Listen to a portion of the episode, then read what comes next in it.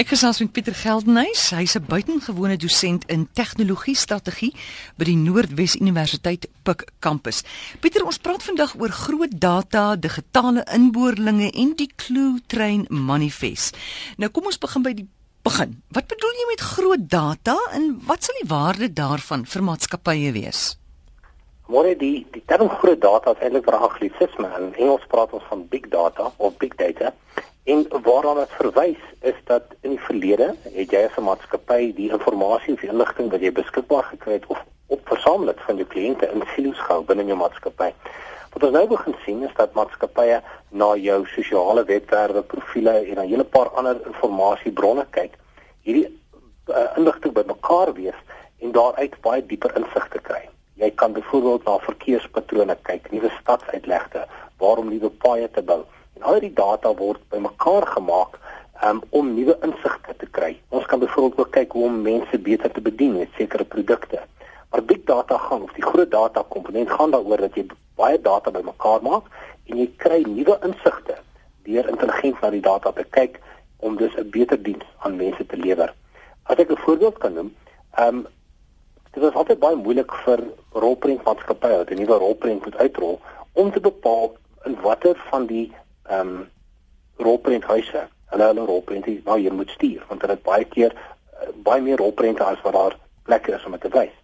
Hulle kyk tans na sosiale netwerke in areas en kyk of die kommentaar op die uh rolprent wat verwag word positief of negatief is. En as hulle geweldig baie kommentaar kry in 'n area, dan weet hulle hulle kan 'n baie groot mate van sukses kry hierdie rolprent in daai area uit te rol. So dis maar een voorbeeld. Hmm hoe groot data gebruik kan word om besluite te neem. Op watter ander maniere maak maatskappye inligting bymekaar en wat sou jy sê is die voordele en nadele daarvan?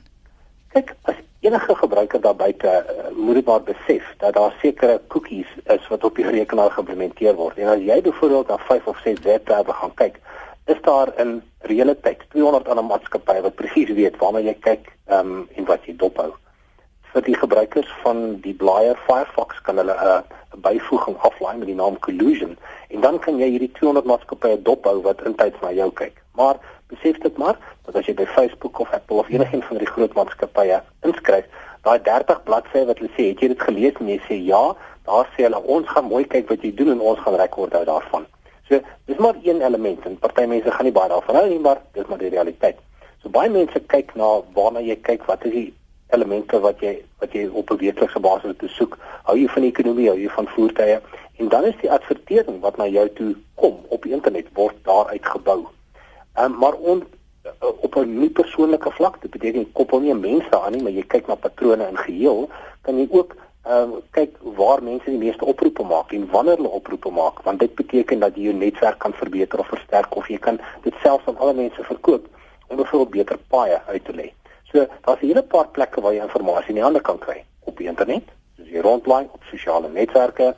Ehm um, karopsporing toestelle kan jy ook gebruik om te kyk waar is daar ehm um, waar hy mense. Want baie keer is kaarte op nie heeltemal opgedateer nie.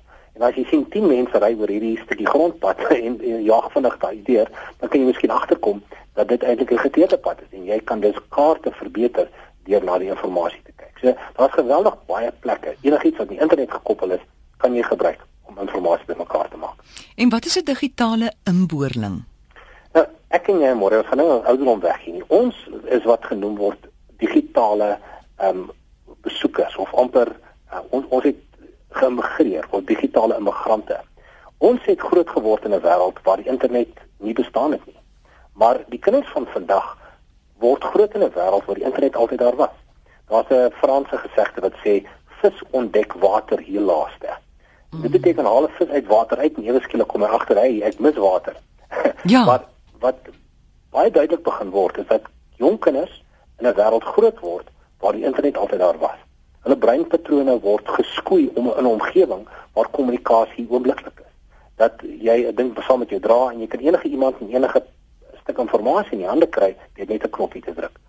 'n uh, Voorbeeld hiervan is ek uh, mense van my ouderdom vat omtrent so 3 weke om 'n brugspel uh, op te stel waar hierdie klomp uh, hulle kry 15 mense bymekaar met 'n paar video's waarna hulle kyk binne 20 minute. Hmm. So hulle idee oor die realiteit is heeltemal anders. En hulle is wat ons digitale inboorlinge noem.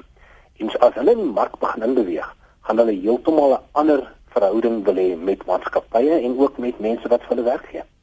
En, en het hulle al in die mark in beweeg? Uh, hulle begin. Uh, hulle begin. Die, eerste uh, inboorlinge begin stadig maar seker in die mark in beweeg, maar 'n hele groot klomp van hulle kom binne die volgende paar jare in die mark in. En dan hierdie ander woord. Wat is 'n clue train manifest? In die jaar 1998 het 'n klomp filosofe bymekaar gekom en 'n manifest geskryf. En hulle het die manifest die clue train manifest genoem. En hulle het 95 stellings neergesit. Nou op daai stadium Uh, ek dink my heel eerste praatjie wat ek nog met uh, Andre Kutse gedoen het, het ek oor hierdie Clue Train manifest gepraat. En en op daai tyd het dit regtig Grieks geklink. Hulle het byvoorbeeld genoem dat markte nie meer marksegmente gaan wees nie, maar gesprekke. Hulle sentrale tema is dat markte na gesprekke gaan verander. Nou jy dink jouself, wat bedoel hulle daarmee? Ek gaan na 'n winkel toe koop iets en, ek betaal daarvoor. Hoe kan hulle markte as 'n gesprek sien? En wat intussen gebeur het, 7, 8 jaar later, het Facebook uitgerol en nou sien ons dat markte wel gesprekke word. Ek was byvoorbeeld gister op die internet om 'n kaartjie te bespreek en die ligredery se webwerf was af. En ek was baie bekommerd daaroor want ek kon 'n kaartjie bespreek. Ek gaan toe na hulle Facebook bladsy toe en daar sien ek hulle sê wees asseblief geduldig. Hulle is besig met opdatering. Ek moet asseblief 'n nommer bel. Maar toe sien ek daar's ook 'n kliënt wat 'n probleem gehad het. Hy het blykbaar een of ander transaksie gehad wat nie goed uitgewerk het nie. Hy was baie ongelukkig. En daar kom hierdie idee baie baie duidelik deur dat markte is nou gesprekke. Want hier moet hierdie groot maatskappy met die individu gaan gesels want almal wat na die maatskappy se Facebook profiel toe gaan, kan sien wat met die een enkele individu gebeur het. So ons as individue is nie meer marksegmente nie. Ons is nou individue en maatskappy moet een met een met ons gesels en ons gaan kyk of hierdie ander persoon se probleem opgelos word. Want dit gee vir ons 'n siening oor hoe gefokus die maatskappy op mense is. So die Kloetyn manifest was baie duidelik en baie akkuraat deur te sê dat markte eintlik gesprekke word. Ek hou daarvan. 'n Vriendin van my het nou onlangs koffie gedrink by 'n bekende koffiewinkel hier in Johannesburg. Ek sê nou onlangs, dit was vir die jaar met die winter. En daar is 'n kaggelvuur altyd in hierdie restaurant in die middel van die restaurant. En die betrokke dag was sy daar. Die restaurant was so halfvol en sy het ontsettend koud gekry en sy sy vra toe vir die eienaar asseblief sit sit vir my die kaggelvuur aan. Hoekom het ons nie vandag hier 'n vuurtjie nie? Toe sê hy daar's nie genoeg mense in die restaurant nie.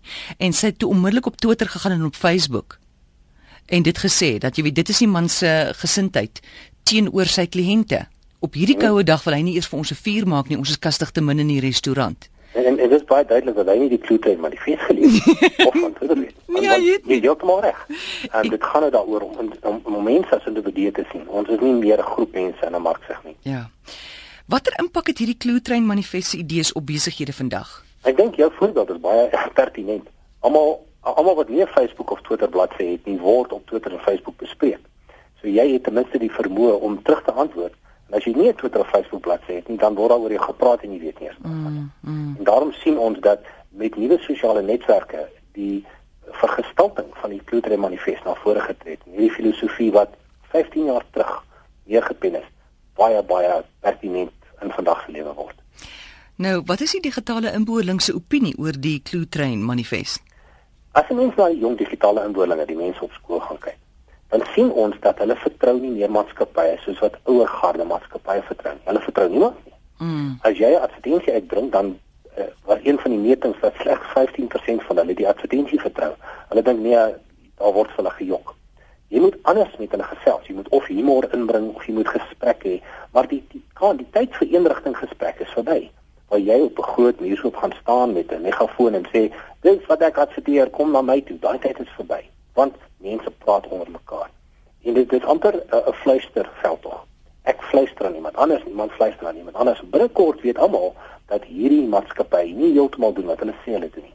En dat die sosiale netwerke en die hierdie ehm um, deursigtigheid 'n baie belangrike element word om maatskappye uh, te hou by hulle belofte aan individue. So die digitale inboorlinge om om om help die die Klootrein manifest. En hulle sal miskien nie daarvan weet nie, hulle lewe dit elke dag. Want vir hulle is markte gesprekke. Hulle praat met mekaar daaroor, hulle praat oor handelsmerke en onder hulle bepaal hulle wat is die beste fone om te koop. En hulle kyk baie pertinent na wat hulle ehm um, hulle maats en hulle konkurrente van 'n produk sê. En daarom sien ons in Clutre manifest baie baie sterk vergestel word vir al in die jong gebruikers van die internet. So gesels Pieter Geldenhuys, hy is 'n toekomskundige en hierdie praatjie is natuurlik op ons webtuiste. Jy kan dit gaan potgooi. Ons het gepraat oor groot data, digitale inboorlinge en die Clue Train manifest.